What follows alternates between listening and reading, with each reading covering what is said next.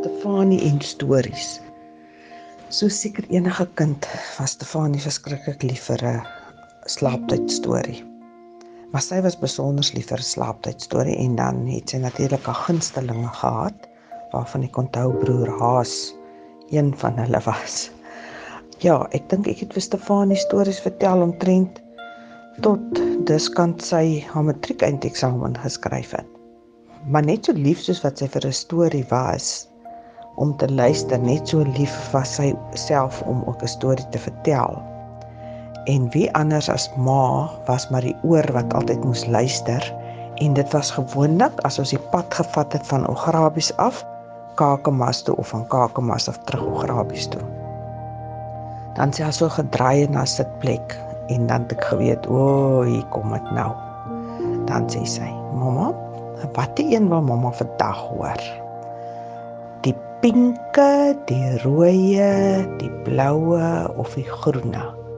Nou tot vandag toe weet ek nog nie eintlik lekker watter is die blou en die groen nie, want dit was of rooi kappietjie of die drie varkies wat gewoonlik vertel was.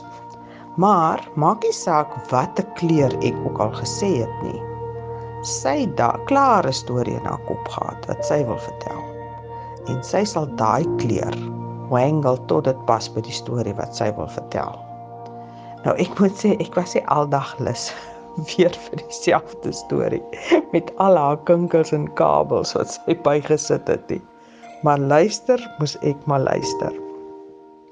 Ek onthou en ek weet dit is ook 'n herinnering by haar dat haar oupa Harry glad nie baie beïndruk was met haar storie vertellery nie.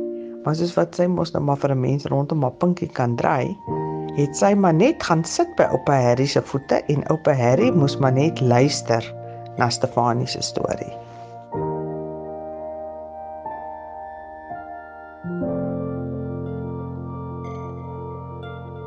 Nou vandag is ek bly om te sê dat um Stefanie het vir haar 'n meesterstorie verteller as 'n lewensmaat gekry. Blykbaar kom Christian uit 'n familie van storievertellers en dan Stefanie het moes daarmee oupa Isak wat ook 'n meester storieverteller was. So ek het al die voorreg gehad om 'n paar van Christian se storieetjies uit Stefanie se mond te hoor.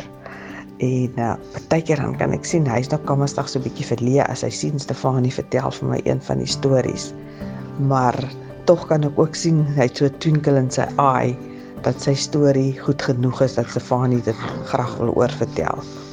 So ek weet Stefanie en um dan hopelik die klein duplessietjies wat daar gaan kom sal nie 'n tekort hê aan stories nie.